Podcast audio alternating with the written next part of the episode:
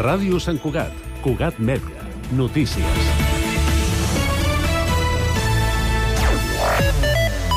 Bona tarda. Esquerra Republicana no defuig de l'autocrítica per la situació econòmica actual de la ciutat, amb 25 milions de dèficit, tot i que n'atribueix la causa a factors externs, sobretot. Això ha explicat Bernat Picornell, tinent d'alcaldia de Drets, Dinamització de la ciutat, Comerç i Seguretat i portaveu del grup municipal d'Esquerra Republicana en una entrevista a Cugat Mèdia. Picornell, això sí, diu que l'augment de sous va ser una petició de Junts i recorda el pes que tenen dins el pacte de govern. L'escoltem.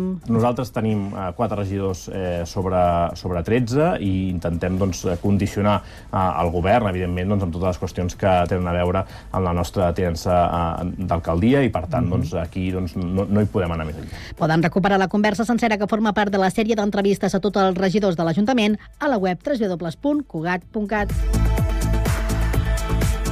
La més notícia avui dimecres 25 d'octubre de 2023 que Junts per Sant Cugat tria la setmana vinent la seva nova executiva.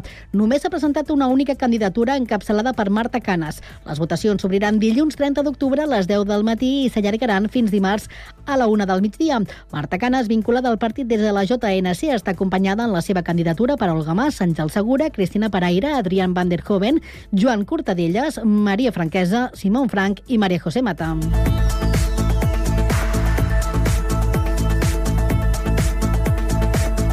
La masia de Can Graells, datada del segle XIV, té una nova vida. HP l'ha rehabilitat i li ha donat un nou ús, convertint-la en el nou centre d'innovació i disseny de la companyia. La multinacional ha inaugurat aquest dimarts el nou centre amb la presència del conseller d'Empresa i Treball Roger Torrent i l'alcalde Josep Maria Vallès. El nou centre arrenca amb una trentena de treballadors que s'ampliaran fins a la vuitantena policia local ha detingut la matinada de dimarts a dimecres tres persones membres d'un grup organitzat vinculat a robatoris. Segons han explicat a Cugat Mèdia, fons municipals, els tres detinguts són delinqüents habituals que han enxampat a l'aparcament de l'Heroi Merlin amb material per robar a domicilis que acabaven de furtar del centre comercial. La detenció s'ha efectuat en el marc dels dispositius habituals preventius que el cos local desenvolupa contra els robatoris amb força a domicilis. Els tres detinguts ja han passat a disposició judicial. Entre gener i setembre d'aquest any s'han denunciat a Sant Cugat 203 robatoris amb força a domicili, segons dades dels Mossos d'Esquadra facilitades a Cugat Mèdia. Res més per ara. La informació torna d'aquí una hora a la mateixa sintonia i constantment a internet a www.cugat.cat. Gràcies per la seva atenció.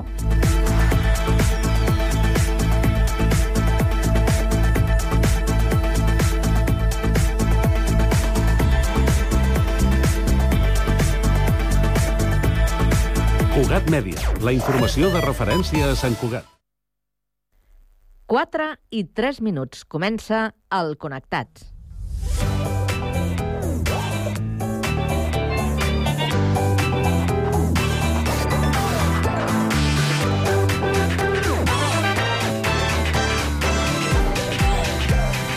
Connectats amb Carme Reversa.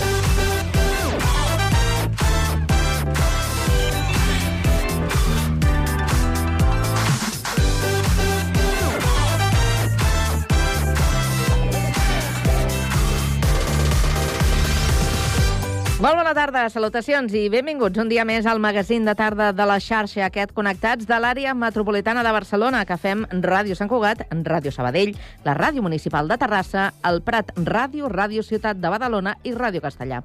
Una salutació de tot l'equip conduït a la part tècnica per Pablo Palenzuela, Jessica Ríos a la producció i de qui us parla, Carme Reverte. Avui és dimecres 25 d'octubre i volem saber quin temps ens espera aquesta tarda.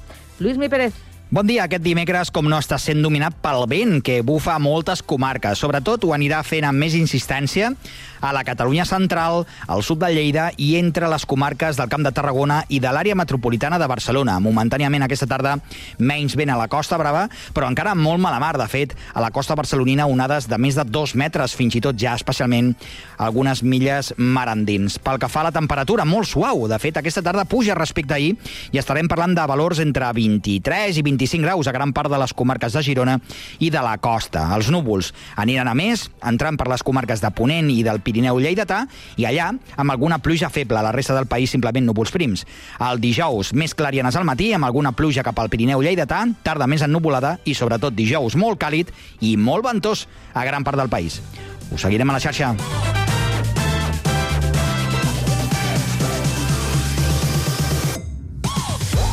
Doncs avui al Connectats analitzarem l'estudi que revela els perills dels camps de gest artificial. Entrevistarem William Dehan, professor de la Universitat de Barcelona. Acabarem la primera hora amb la tertúlia generalista per analitzar l'acord de govern entre PSOE i Sumar i la proposta de foment per allargar la pista del Prat.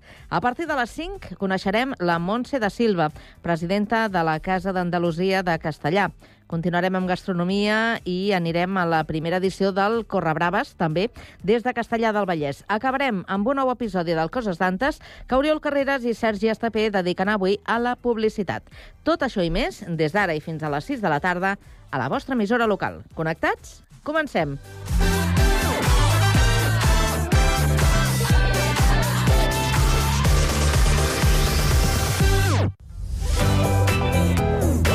Connectats. Una experiència radiofònica a Sabadell. Ràdio Sabadell, 94.6. Terrassa. Ràdio Municipal de Terrassa, 95.2. Sant Cugat. Ràdio Sant Cugat, 91.5. El Prat. El Prat Ràdio, 91.6. Castellà. Ràdio Castellà, 90.1. I Badalona. Ràdio Ciutat de Badalona, 94.4. Cada tarda de 4 a 6, connectats.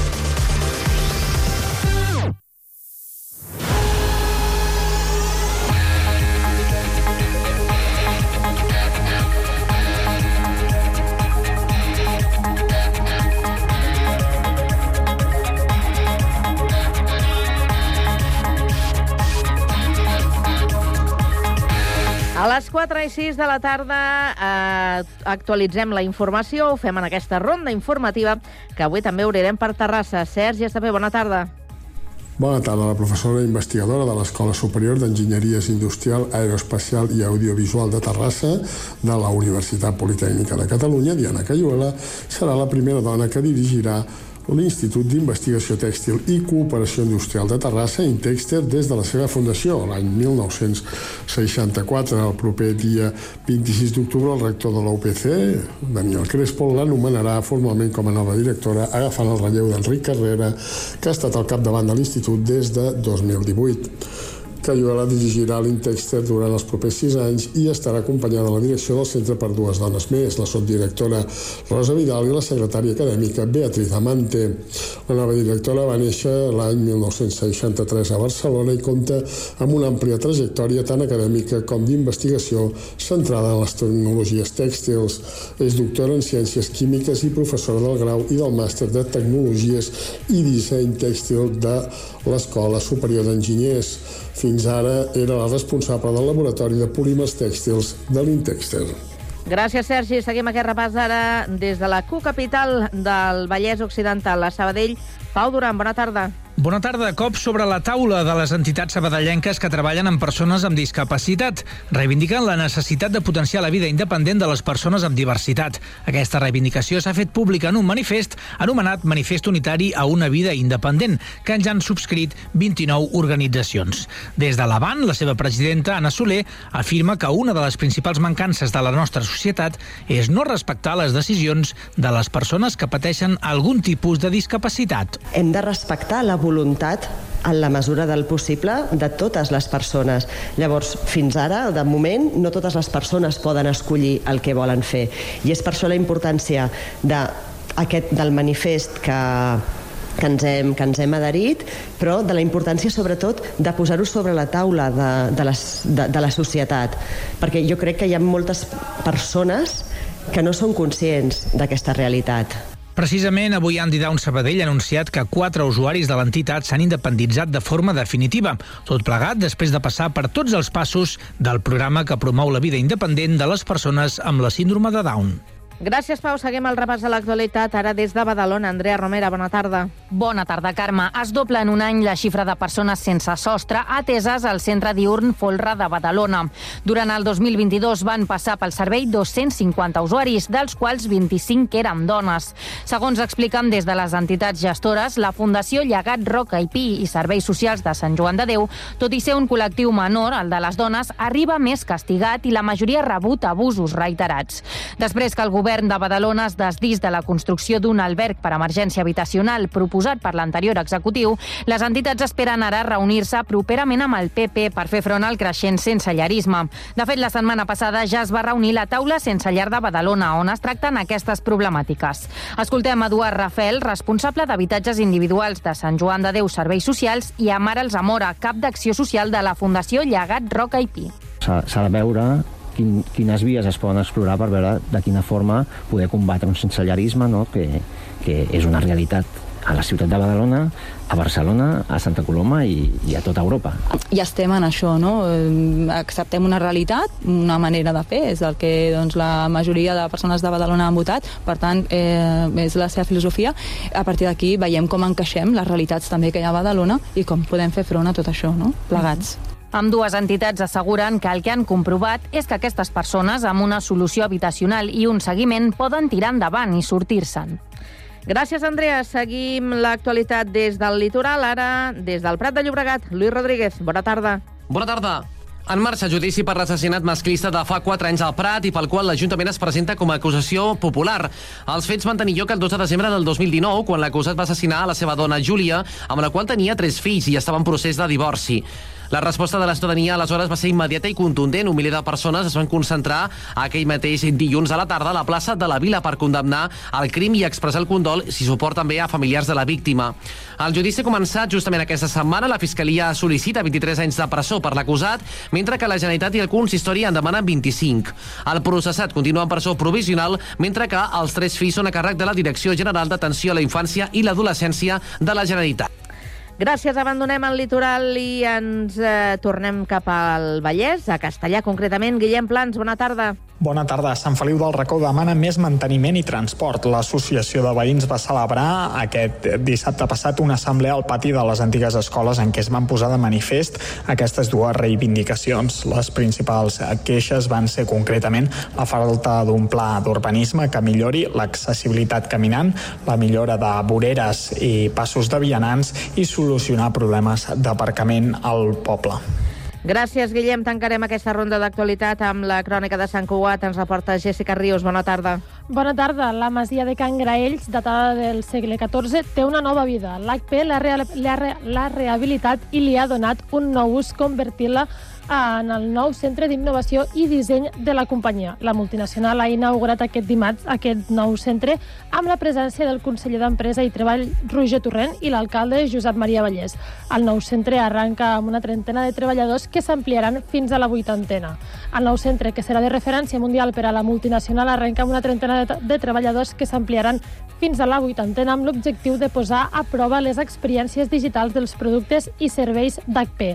El director general d'HP Sant Cugat, Ramon Pastor, explica que la Masia HP Experience Design Center, com la anomenen, vol ser un lloc d'atracció de talent en l'àmbit del disseny i l'experiència d'usuari. Aquesta masia és un estudi de disseny que pensem que serà un dels líders del món definint les experiències digitals dels productes i serveis d'HP, competint amb estudis eh, que són punters de, dels Estats Units, d'Anglaterra, de, de França. Realment el que volem fer és que això sigui un lloc d'atracció de talent, de, de definició d'experiències digitals, que realment eh, situï Barcelona, que ja és capital de disseny, un pas més enllà. Segons el conseller d'Empresa i Treball, Roger Torrent, l'aposta ajuda el país a avançar en innovació, però també a captar nous projectes i inversions. Necessitem projectes d'aquest tipus perquè això ens ajuda a fer el salt eh, des d'un punt de vista d'innovació, des d'un punt de vista de recerca i desenvolupament, i el fet de que hi hagin centres eh, referencials a nivell mundial, com el de HP, que ja hi havia a Sant Cugat i que ara, a més a més, s'amplia amb, amb la Masia, ens ajuda també a captar altres projectes. No només alimentem aquests projectes que van creixent amb el temps, de fet, HP ja porta 40 anys anys eh, d'evolució eh, al nostre país, sinó que a més a més ens ajuda, eh, eh, és un aparador per poder atraure altres noves inversions. Un aparador que s'ubica en un espai privilegiat com és la rehabilitada Masia de Can Graells, situada dins dels terrenys que HP té a Sant Cugat des de 1990 i que dona nom al polígon empresarial. L'alcalde Josep Maria Vallès ha afirmat que el nou centre s'idearan, dissenyaran i desenvoluparan noves solucions digitals per millorar l'experiència dels usuaris.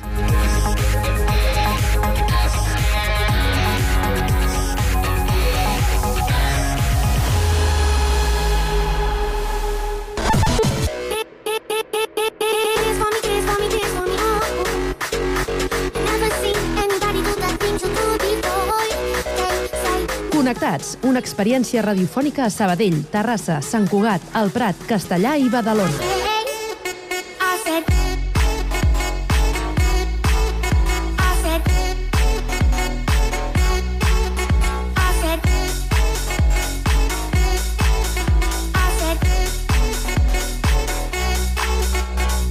Connectats amb Carme Reverte.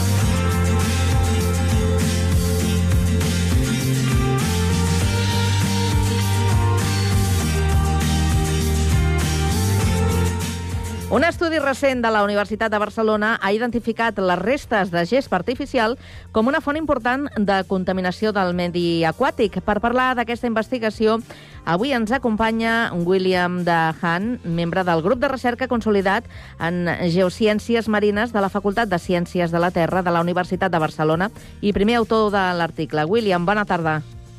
Hola, bona tarda. També ens acompanya Sergi Estapé. Sergi, bona tarda. Sergi, bona tarda. Sí, hola. Ara. És que no, no t'havíem no escoltat, ara sí. Ah. Perfecte, perfecte. Eh, William, eh, anem per la primera de les eh, qüestions. D'entrada, un estudi sempre doncs, té un objectiu, una meta. Quin era l'objectiu del que vosaltres heu, heu realitzat? El, bueno, aquest estudi, eh, bàsicament, l'objectiu és, eh, bueno, era, en aquest, en aquest moment, eh, avaluar quin era l'impacte d'aquest tipus de contaminació, que és la gespa artificial, un tipus de contaminació que fins ara no, no s'havia quantificat encara en rius i en mar, i també establir doncs, una guia detallada per identificar aquest tipus de, de contaminació perquè en altres estudis eh, posteriors es puguin identificar no? I, i, i quantificar. Mm -hmm. eh, ens expliques una mica com ha anat tot plegat? És a dir, com s'ha fet, quin ha estat el procés, si, si partíeu ja d'altres referències, d'altres dades, d'altres estudis, o una mica com ha anat tot plegat? Val, sí, això, bueno, això va ser un estudi que vam, vam idear ja fa uns anys. Eh, nosaltres portem un projecte que es diu Surfing for Science, que és un projecte ciència ciutadana, que bàsicament eh, el que intenta fer és recollir plàstics no, de, de la costa catalana, eh, de zones molt properes de la costa catalana. Llavors, a part d'això, tenim mostres, una sèrie temporal molt llarga de, de la costa, també, i també em vam contactar, doncs, també amb, vam col·laborar amb, amb membres del grup de recerca de la Universitat de Cádiz per agafar mostres de riu. Mm. No, llavors, en total, hem diguem, eh, agafat més de 400 mostres eh, de, tant de riu com de mar i eh, bueno, els hem, hem hem intentat com identificar no, quantes fibres artificial hi havia en cada una d'aquestes mostres. I quines, quines han estat les principals conclusions a, a què heu arribat? Bueno, eh, hi ha diverses conclusions. La primera de totes és que trobem un percentatge, una, una proporció molt elevada de, d'aquest tipus de contaminació comparat amb el total de plàstics que, que trobem, tant a mar com a rius. Trobem, sobretot, més plàstics, eh, més gespa artificial eh, en zones properes a la costa, com ara Barcelona, en, en zones properes a, a grans ciutats, per exemple. Mm. Eh, a part d'això, trobem que fins al 15% dels plàstics trobats més de més grans de 5 mil·límetres són gespa artificial, per tant, és una proporció que, bueno, són altres proporcions. Eh, a més, trobem bueno, concentracions en general molt elevades, sí, fins a 200.000 fibres per quilòmetre quadrat al mar i eh, un flux de fins a 20.000 fibres al dia eh, al, al riu de Guadalquivir. Són concentracions molt, molt elevades. I aquestes concentracions van relacionades sobretot amb, amb, amb, amb èpoques de pluja. No? Eh, en èpoques de pluja més intensa trobem més eh, concentracions d'aquest tipus de fibres. Mm, és això el que et anava a preguntar, William. Eh, eh, com, com arriba al, mar o, o, o als llocs aquífers eh, aquest, eh, el, la part aquesta de gespa artificial que, que contamina?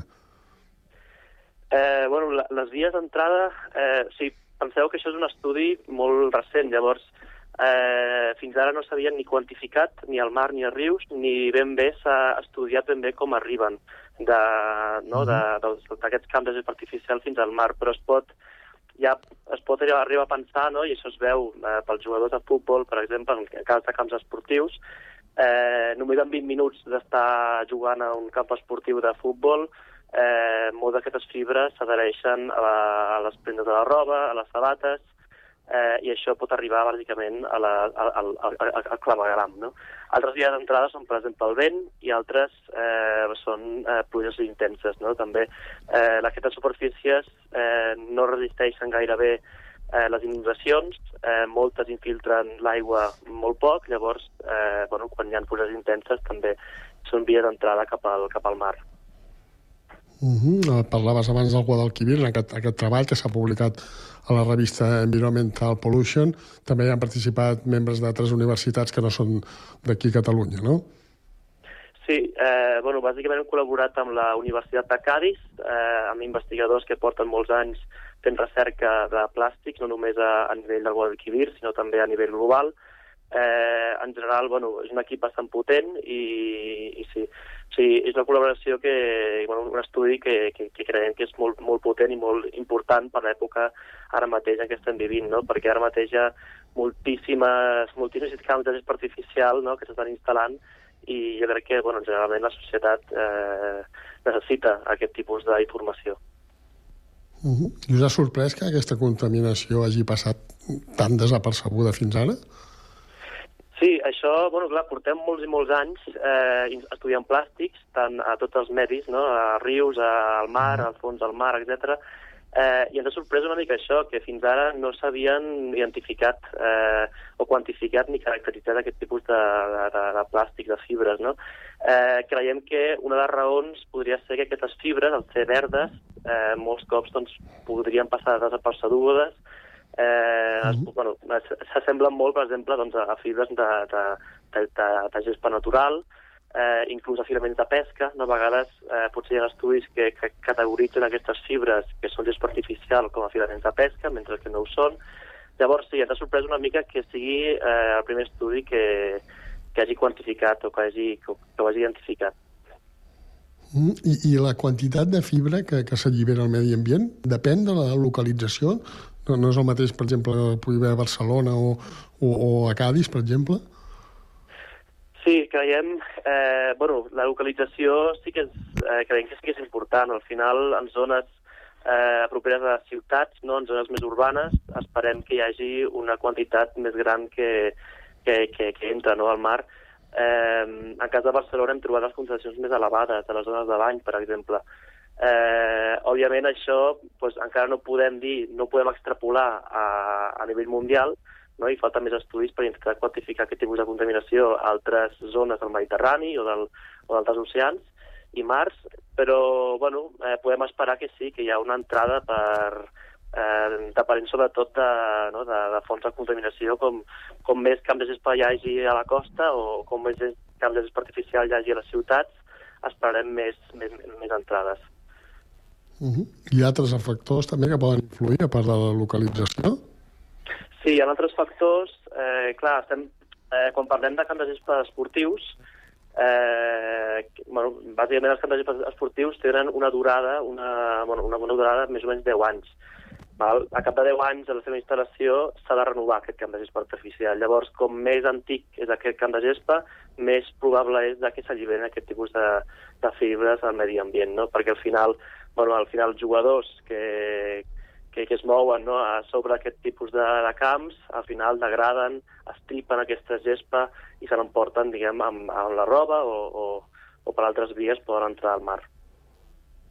Uh -huh. I, i, i el, tota aquesta fibra, tot això, aquesta contaminació que va a les aigües, eh, suposo que això també eh, afecta els animals que hi viuen, no? O sigui, que són, no sé si ingereixen o sense voler o com, com sí, què, això, què els hi passa?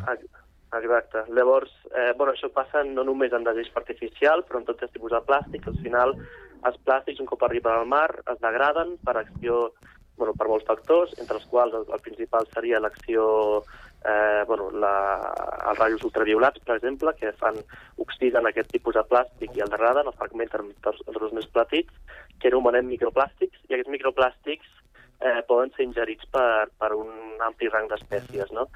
Eh, això té molts efectes perjudicials eh, per, a les, per a les espècies, eh, podrien morir per inanició, podrien morir per substàncies adherides a aquest plàstic, substàncies sobretot cancerígenes, eh, etc etc. I ens poden afectar nosaltres, no?, si ens mengem aquests peixos o, o no. Exacte, bueno, això ja és un, és un altre camp d'estudi, però eh, sí, o sigui, això de la gespa artificial al final eh, no només té un impacte, o sigui, veiem que no només té un impacte sobre el medi marí, no, no, no només els trobem al mar i a rius, sinó que porten altres, eh, bueno, altres problemes associats. La gespa artificial eh, redueix la biodiversitat urbana, eh, redueix, com he dit abans, la, la infiltració d'aigua, s'inunden molt fàcilment, a sobre escalfen molt no? a, en zones, en, en èpoques d'estiu, i a sobre doncs, tenen aquests compostos químics que estàvem parlant ara, eh, que molts d'ells són necessaris per la seva producció o s'afegeixen per incrementar la seva durabilitat. No? Llavors, aquestes substàncies, que són, molts cops són cancerígens, són neurotòxics, són disruptors endocrins, eh, com ara, per exemple, les substàncies PER i polyfluoroalquils, no? que són els, els PFAS en anglès, són substàncies que estan adherides a aquest, a aquest artificial i, òbviament, nosaltres, doncs, quan estem en contacte amb aquesta gespa, inclús els animals que viuen al mar, doncs, eh, poden ingerir aquest tipus de substàncies, no? Eh, llavors, bueno, ara, ara mateix, per aquest tipus de substàncies no hi ha eh, un nivell segur encara, no? Eh, un, un nivell segur d'exposició d'aquestes substàncies en humans. Per tant, eh, bueno, és un, és un problema bastant greu. De la publicació de l'estudi, no sé si per casualitat també al cap d'uns dies es va fer públic que, que la Comissió Europea manifestava la seva intenció d'acabar amb aquesta mena de gespes en 8 anys. No sé si va anar lligada la cosa una cosa amb l'altra o, o sí, el això, cas és que sí que va... Sí, ha, posat una mica de, de confusió perquè, clar, estem parlant de... Nosaltres hem publicat un estudi que va sobre les fibres de gespa artificial, és a dir, la part, uh -huh. no?, les fibres, que és la part verda. Llavors, la, la, la, la Unió Europea, en la, la setmana passada, va treure una, una regulació, una normativa, eh, que estipulava que en els propers 8 anys el que, el que, de, el que hem de fer hem de fer és eliminar, diguem, les substàncies, els plàstics afegits intencionadament. Val? Aquests plàstics afegits intencionadament, en el cas de la, dels camps artificial, es refereix sobretot al cautxú. Val? El cautxú és, és una, és, són, són bàsicament eh, fragments o trossos reciclats de rodes de, de pneumàtics de cotxe, de vehicles, mm -hmm. i s'afegeix intencionadament a la, als camps artificial per afegir-li doncs, una sèrie de propietats. Llavors, justament és això el que, el que s'eliminarà d'aquí 8 anys. No? Eh, en canvi, la, la, tant el cautxú com la gespa artificial, que hem estudiat nosaltres, les fibres, tant un com l'altre tenen aquestes substàncies cancerígenes que estàvem parlant abans no? I, i efectes perjudicials que puguin tenir sobre el medi ambient. Eh, de moment, només és el cautxú. Eh, la gespa artificial, de moment, encara no està prohibida. William, imagino que eh, aquest estudi eh, ens fa la fotografia de, del moment actual, però que cal continuar doncs, eh, vetllant per, per veure com es va movent, no?, tota aquesta, aquesta imatge mm, en els pròxims, en els pròxims anys. Eh, per tant, vosaltres continueu treballant en aquest terreny. Sí, nosaltres, bueno, nosaltres portem molts projectes, eh, tant nacionals com internacionals, sobre plàstics, eh, i sí, continuem treballant amb, mostreig, amb mostrejos eh, eh, molt extensius sobre plàstics, tant a Catalunya com a altres parts eh, del món. Eh, llavors, bueno, estem en, continu, en contínua recerca sobre aquest tipus de contaminació i també, òbviament, pues, estarem, eh, tindrem en compte molt de prop aquest tipus de contaminació tan específica com és la gespa artificial. Uh -huh. I ja que parlem de gespes artificials, de camps de futbol, eh, també d'altres equipaments, eh, eh, en altres instal·lacions esportives també es fa servir doncs, eh, aquestes gespes artificials que en el, camp de, en el cas dels camps fa poc, que em sembla, s'han tornat a substituir amb aquesta promoció que feia la Federació Catalana de, de Futbol, és a dir, que és recent el canvi, després d'aquests 10 anys que ara tu comentaves que tenen de, de vida. Eh, no sé si, si, si hi ha algun altre tipus d'opcions eh, que puguin substituir aquestes actuals gespes artificials de cara en un futur més proper. Bueno, quan parlem de, del el cautxú, no? sí que hi ha opcions, sí, hi ha opcions alternatives. El que passa és que ara mateix no tenim opcions ni que siguin més barates ni, ni a més... Bueno, a part són, són opcions que no podem aplicar a una escala tan gran com, com la quantitat de camps que tenim ara mateix instal·lats a, a, a nivell mundial. No? I quan parlem dels camps en si, de gest artificial, no, no només el cautxú, Mm. eh, jo optaria per directament bueno, intentar reduir pel màxim eh, la instal·lació d'aquestes superfícies eh, no només per, per l'impacte que- puguin tenir sobre el medi ambient, sinó també sobre nosaltres. És a dir, podem anar a repensar aquest tipus de superfícies eh, a tots els nivells, no? I, i hem d'intentar doncs, eh, reduir sobretot eh, bueno, la instal·lació d'aquestes superfícies, no només en, en, en zones eh, privades, sinó també en públiques, no? per exemple, en patis d'escola, en, en festivals de música, en gimnasos, en jardins particulars, terrasses, etc. Correcte. Doncs en prenem bona nota. William Dehan, moltíssimes gràcies per haver passat pel Connectats, analitzar quins han estat els resultats de- d'aquest eh, estudi que, que heu fet eh, últimament. Gràcies i que vagi molt bé. Moltes Bona gràcies. tarda. Bona Adéu-siau. tarda. Vinga, adéu. Adéu, Sergi. Fins després. Fins a... És veritat que avui tenim coses tantes. Vinga. Obres, a i, obres, cada- obres i tanques avui, eh? Sí, obro i tanco. Jo a casa cada... entre setmana arriba molt cautxú de, de dos cavalls. Dels camps de futbol, no? Sí, sí. Mm, doncs vigila. Gràcies. Fins després. Adéu.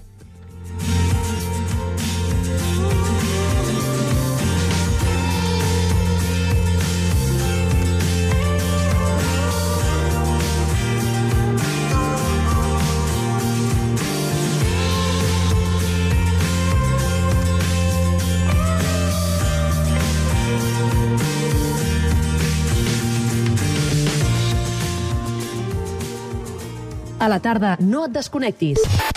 A la teva ràdio local, connectats. Can't touch this. Can't touch this.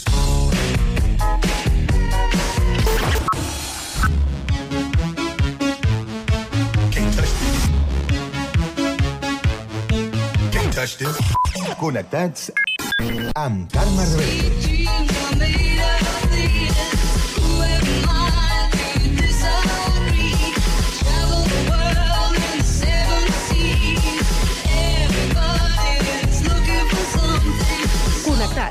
Una experiència radiofònica a Sabadell, Terrassa, Sant Cugat, El Prat, Castellà i Badalona.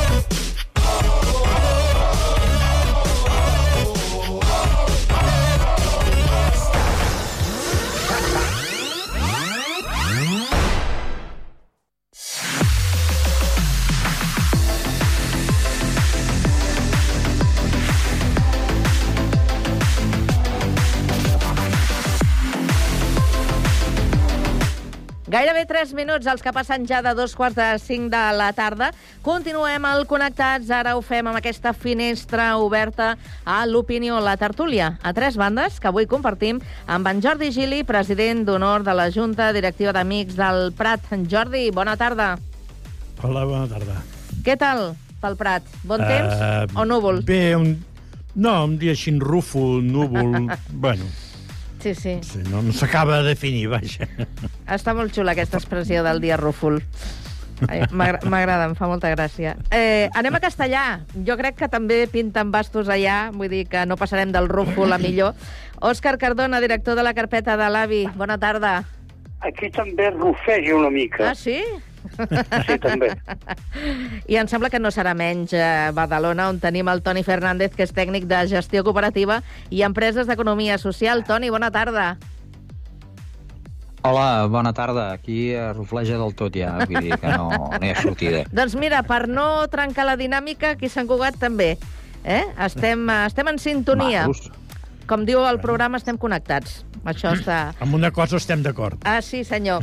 Ara veurem si estem d'acord amb tot el que planteja aquest eh, acord de govern eh, a l'espera de la investidura eh, que ja han anunciat PSOE i Sumar. Eh, un total de 230 mesures, que no sé si heu tingut temps de, de mirar-les, però que ja han començat a obrir debats i melons d'aquells de, per estar-se una bona estona comentant. Eh, D'entrada, m'imagino que mm, sense sorpreses o si voleu comentar alguna qüestió precisament de la posada en escena de, de com va anar tot plegat i algú vol obrir foc, endavant, qui vol? Qui, qui vol començar? Mira, jo mateix. Vinga, Doncs, Jordi. És que eh, d'entrada em dóna la sensació que eh, amb, una, amb un equilibri tan, tan complicat de forces que hi ha en aquest moment, eh, donar aquesta espècie de solemnitat en aquest acord que pot quedar amb, amb paper mullat eh, d'aquí quatre dies, mm. em sembla una miqueta exagerat.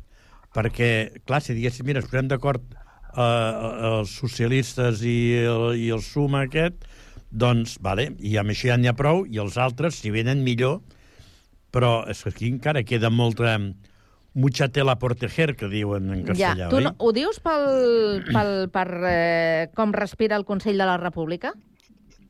No, no, no, no. Ah. Ho, dic, ho dic perquè, perquè doncs, Podemos eh, no està massa confortable amb això Sí. i ho dic perquè tampoc no s'ha fet cap mena d'esment, almenys que apareguin aquestes 230 mesures al tema Català? de Catalunya. Mm -hmm. Mm, I és clar que hi ha, hi ha, molta, hi ha molta cosa. O sigui, s'ha posat molt d'èmfasis, i millor està bé, eh? no ho sé, a- amb tot qüestions de temes socials que després veurem fins a quin punt es poden o no es poden aplicar. Espero que algunes, doncs, o bastantes, es puguin aplicar, òbviament, però, mm, clar, hi ha més actors en aquesta obra. Clar. I, I aleshores, tota aquesta cosa tan solemne i tan... I, i a més a més, solemne i alhora tan, tan poc, poc vistosa des del meu punt de vista de que sigui una compareixença, que no sigui eh, amb preguntes i amb com tipus roda de premsa, no? Mm -hmm.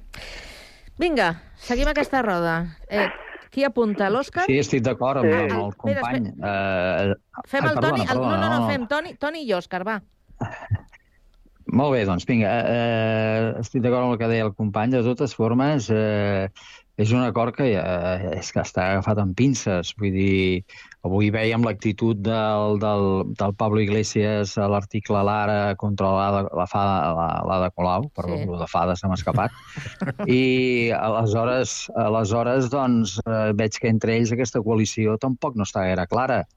Escenificar un event com aquest, eh, prescindint de, dels que et donaran la majoria o no, em sembla frívol, si més no frívol. Eh, llavors, doncs, aleshores, eh, no sé com ho tenen lligat, perquè ni el PNB, ni Junts, ni Esquerra, penso que ho tenen tot donat.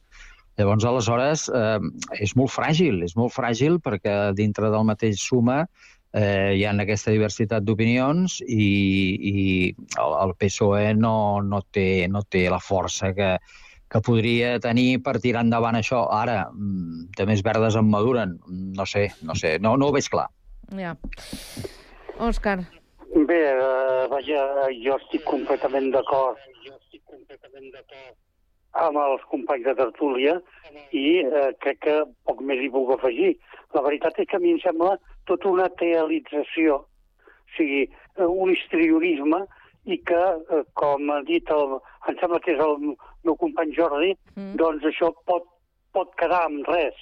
Pot ser un cúmul mm, teòricament de bones intencions, però que a l'hora de la veritat al final es quedi amb res, amb paper mullat. Però bueno, el temps ho dirà, no? Ja ho veurem. I vaja, estic molt d'acord amb el que s'acaba de dir. Encara que sembla mentida que en una tertúlia doncs tots estiguem d'acord. Eh, bé, ja sabeu que eh, el temps corre i que la data límit és el 27 de novembre, a veure si arriben a temps els acords eh, per evitar unes altres possibles eh, eleccions, a veure si hi ha acord o no d'investidura, perquè doncs, eh, a- aquest acord que avui ara estem eh, comentant eh, pugui tirar o no endavant, però imagino que també els eh, socis, els possibles o els hipotètics socis de d'aquesta investidura també haurien de dir la, la seva, perquè aquí hi ha moltes qüestions i entre elles hi ha eh, el nou model de, de finançament per exemple. Sí. Que no, que no, que no sé ni com... Eh, no, no sé si està de- definit, si han concretat alguna, alguna qüestió, però bueno, pa- parlàvem, venien a parlar de- d'equilibris. Però entre aquestes... Eh, eh, aquestes propostes que, que contemplen en aquest eh, acord, hi ha algunes que han fet bastant soroll. D'una banda, el tema de la reducció de la jornada laboral a 37 hores i mitges eh, setmanals que ja falta temps perquè la patronal eh, sortís i rebutgés doncs, aquesta proposta perquè, vaja, que d'imposicions diuen cap ni una, que aquí el que s'ha d'establir i s'ha de mantenir és el diàleg social i que tothom hi digui la, la seva. I després hi ha una altra qüestió que també, mm, a propòsit del tema que, que continuarem parlant, eh, el tema de la reducció de, de vols eh, curts també ha posat una mica allò, el, el crit en el cel a les parts que, que, que correspon. Vosaltres, en el primer dels temes, la reducció de jornada, mm, veieu un tema fa factible? Ho veieu com a, com a possible? Ben bé, però si parlo jo, podria dir que, podria dir que eh, és, és comprensible les dues parts, tant la part dels treballadors com la part de la patronal. És totalment previsible. Ara bé, jo crec que la història ens demostra que a la llarga, mm, diguéssim, aquests beneficis per part dels treballadors doncs són irreversibles, ja que eh, tota Europa, o gairebé una part de tota Europa, d'Europa doncs està establint aquests, aquests, eh, diguéssim, aquestes hores de treball, inclús amb algun, per exemple, a França i fins i tot menys. És comprensible per part de la patronal que es posi el crit al cel, però vaja, jo penso que una vegada assumit que això sigui així, en el cas de que ho sigui, doncs, eh, vaja, eh, anirà trampejant i m'imagino que arribarà un moment que es normalitzarà i s'assumirà una realitat que penso que és irreversible, que cada vegada la gent treballarà menys. Una altra cosa és com es reparteixen els beneficis, que jo diria que aquí és on hi ha el quid de la qüestió. Mm. A veure, més, més qüestions. Toni, tu mateix. Uh, sí, uh, normalment una, una, una presa de decisions d'aquest d'aquest tipus, un document d'aquest tipus, sobretot aquest primer, aquest primer apunt, en reducció d'hores i tot això, i jo penso que està molt bé ni que es nivelli a nivell, a nivell de la Unió Europea i tot això.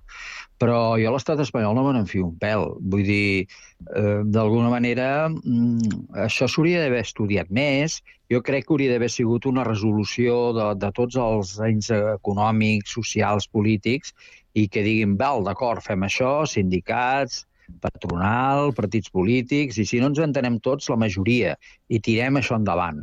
Aquí és un document que s'ha consensuat entre Sumate i el, PC, i el PSOE. Mm. Eh, I potser un infiltrat d'algun sindicat s'ha posat pel mig, però vull dir, no... Eh, val, està molt bé, l'idea és molt bona, eh, poden haver-hi les seves divergències, però no sé si està suficientment consensuat per això ser una cosa seriosa i que tiri endavant al llarg dels anys. Ho veig complicat, ho veig complicat, eh, no sé, Mm. Eh, almenys és la meva opinió, eh? Sí, sí, sí, sí. Jordi. No, no, aviam, des, des, del, des del punt de vista de, del treballador, òbviament, eh, és una bona, una bona proposta, si es pot aplicar la mesura. Eh, és normal, com ja s'ha dit, doncs, que l'empresari... Però, de fet, si anem mirant, eh, eh, tal com s'ha comentat, als països nòrdics, per exemple, això ja fa temps que, que aquestes reduccions de, de jornades laborals s'estan aplicant i la productivitat no baixa. El problema jo crec que es planteja en aquí, amb el, penso jo, eh, en algun sector de la, de la indústria o de segons quins tipus d'indústria que potser pot ser una miqueta més, més complicat. Per exemple, penso jo doncs, amb, aquests, eh, amb aquestes empreses que fan torns de, de, de, de 8 hores i, és clar això vol dir que el dia té, té 24 hores. Mm. Si redueixen unes hores, eh, millor això vol dir eh, fer la mateixa producció havent d'incorporar un torn nou.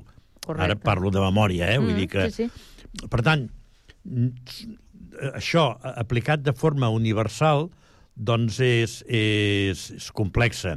I després, clar, també hi ha moltes feines que, que, que segur que es, poden, que es pot reduir les hores de treball i eh, ser absolutament igual, o si m'apureu, fins i tot un xic més, més productives. Mm -hmm. eh, ja sabeu que amb el tema de la reducció de la jornada laboral doncs, eh, hi ha hagut eh, comunitats on s'ha posat eh, en pràctica de manera eh, experimental, com a prova pilot, a veure com eh, funcionava. Crec que en el cas de València no se n'han sortit eh, prou bé. Eh, no sé si recordo... Les Balears no sé si també ho havien eh, intentat eh, promoure, però vaja, eh, que és, és, és cert que no sabem com pot funcionar, que sí que tenim la referència d'altres països i que la majoria són països eh, nòrdics, amb una cultura diferent, una manera mm, diferent de, de fer, que no sé si seria traslladable i aplicable, per exemple, a, a, aquesta, a, a, a, a l'arc mediterrani, per entendre'ns. No sé, per, perdó, eh? Eh, Però ara penso, per exemple, això que comentaves a, a, a les illes. Eh, a lo millor, no sé, no, sé no, no, no, no, no som conscient de que s'hagi fet aquesta prova i tal. Però, clar, precisament un dels, un dels llocs, o sigui, un, un dels tipus de treball que en aquestes zones genera més, més llocs de treball eh, és, la, és el turisme i, per tant, l'hostaleria. I l'hostaleria, precisament, és, jo diria, dels, dels tipus de feina que menys eh, es compleixen aquestes eh, poss possibilitats de reduir jornades, perquè n'hi ha alguns que, eh, parlem dels hotels, els hotels no tanquen eh, cap dia de la setmana. Eh, seria impossible, no? Uh -huh. I, i esclar, i els horaris en aquí, no sé jo si en fan 40 hores o, o en fan unes quantes més. Per això que, no sé, ja hauríem de veure l'encaix. I si aquest és un dels temes de, de debat de les últimes hores, l'altre té a veure amb la possible reducció, la proposta de reduir els vols eh, curts, allò que ja han fet a, a França, per exemple, i substituir-ho doncs, eh, per, eh, com a alternativa, fer servir el, el tren sempre i quan no siguin més de dues hores i mitja de, de trajecte. Què us sembla la proposta? Sí, Em sembla molt bé. Ara, uh, sempre i quan no es vagin rodalies, clar. Perquè aleshores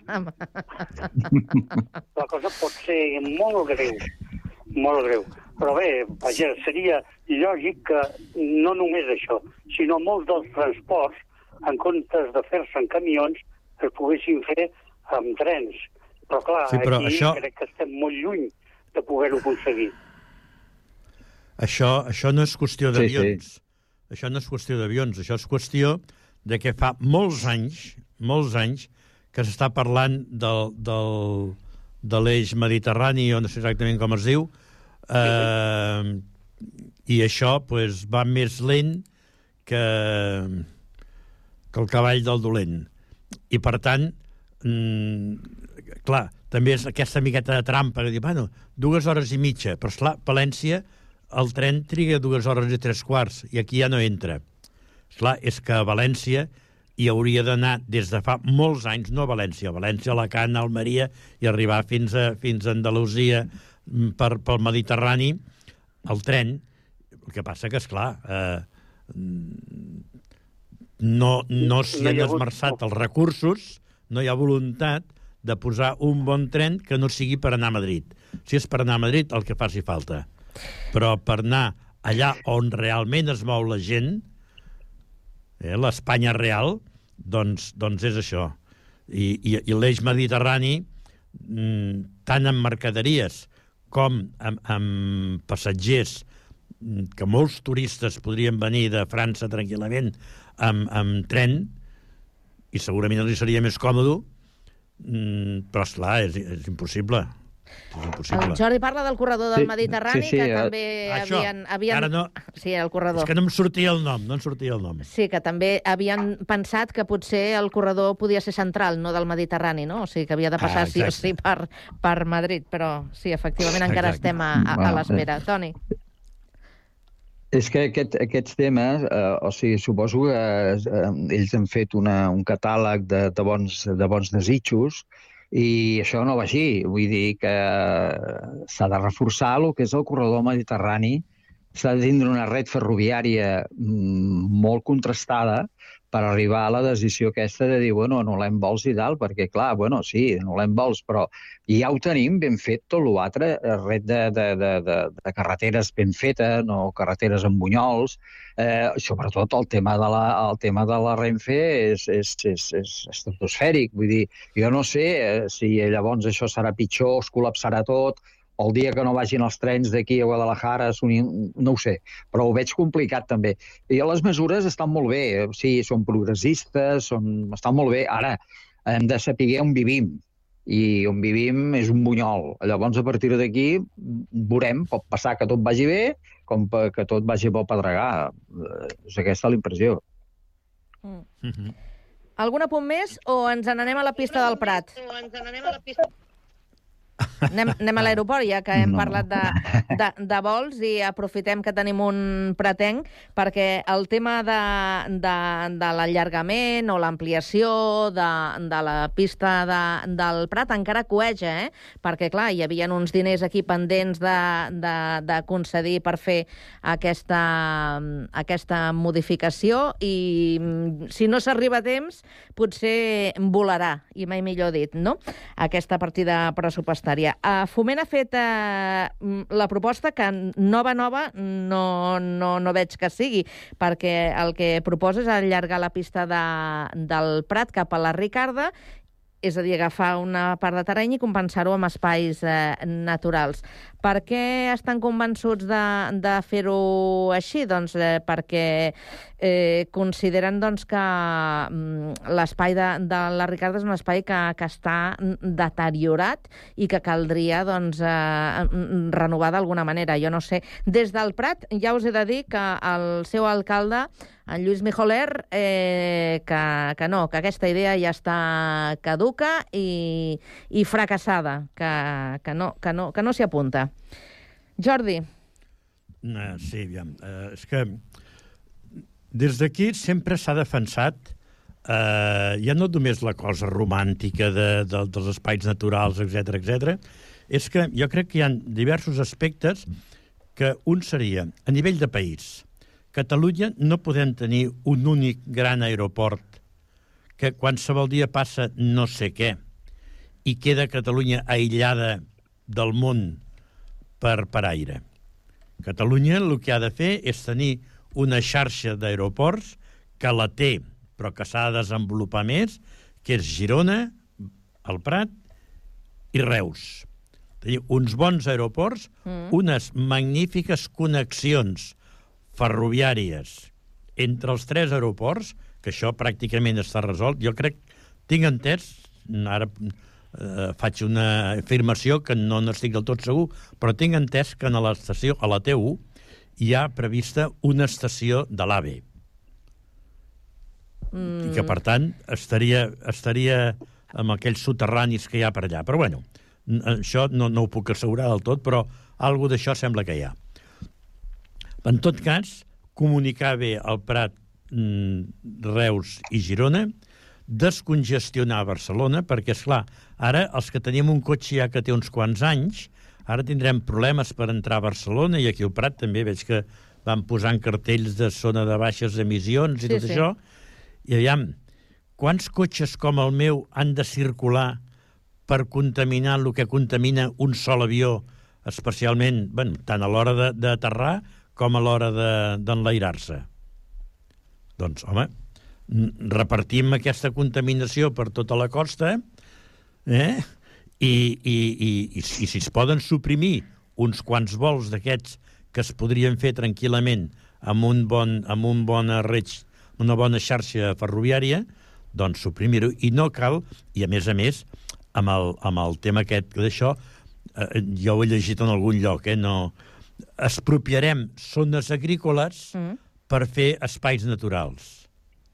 Em sembla que hi ha algú Aviam. que encara està esperant compensacions, no?, de quan es van fer les anteriors expropiacions. Bueno, és que, és que no, és que no s'han complert les compensacions Ja. que el Ministeri es havia compromès a fer.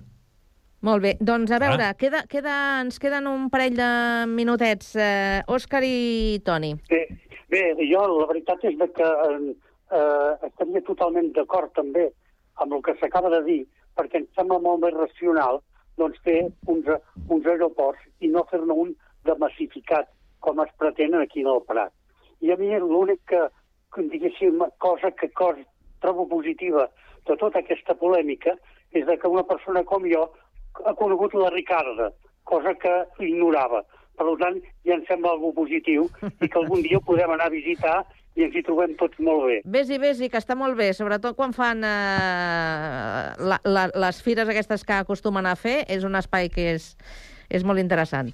No, no ens confonguem, eh? No ens confonguem. Una cosa és la granja la Ricarda, Sí, on jo es fa parlo la de la... fira, Sí. i, i l'altra és la, la, la finca de la Ricarda, on hi ha l'estany de la Ricarda, on jo he tingut la sort d'anar alguns anys a fer una rosa amb angules, angules pescades a la a l'estany. Quina sort la teva. Eh, deixem, el, I tant, deixem el i Toni. tant. Deixem el Doncs sí, Toni. sí. Vinga. No, no, jo, jo el que veig més clar, anant ràpid, és el tema de, de diversificar els aeroports, potenciar molt a nivell internacional l'aeroport de Reus encara més del que té i l'aeroport de Girona, i, i ja està, vull dir, tindre una bona connexió entre els tres aeroports, com tenen aeroports a les rodalies de les ciutats a París, a Londres, Nova York, i, i aquí s'ha acabat la història. Ara, posar la, el foco només al Prat, home, no ho sé, eh, potser hi ha altres solucions que els caps que pensen i cobren per això doncs haurien de tirar-les endavant. Bé, doncs sembla que hi ha més vots en contra que, que a favor. Ja hem comptat el de l'alcalde Mijoler. La Generalitat encara està pendent de presentar la seva, la seva proposta. Zero, zero port. Els ecologistes eh, tampoc no estan eh, per la proposta. I el port de Barcelona tampoc. Ho deixem aquí. Continuarem parlant d'aquests i altres temes a la tertúlia. Gràcies, Jordi, Òscar, Toni, que acabeu de passar bona tarda. Gràcies. Gràcies a vosaltres, un plaer. Igualment. Adéu-siau.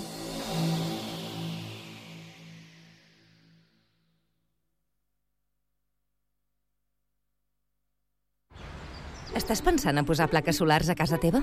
Doncs passa't a l'energia solar de manera fàcil i segura amb la teulada, experts en energia solar i el nou espai d'assessorament per a la ciutadania i les empreses. Informa't a la teulada arroba amb.cat o contacta'ns per WhatsApp al 645 725 465. La teulada és un servei de l'AMB finançat amb el Fons Europeu de Desenvolupament Regional.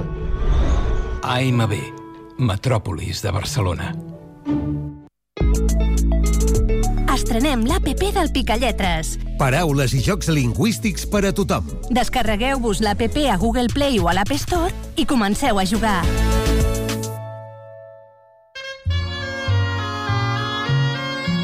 La música descriu el territori. La paraula descriu la música. Música i paraula. Paraula i territori.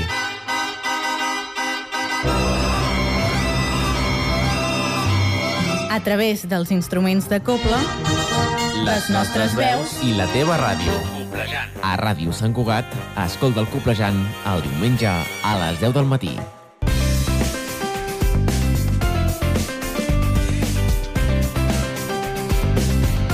Ràdio Sant Cugat, 91.5 FM.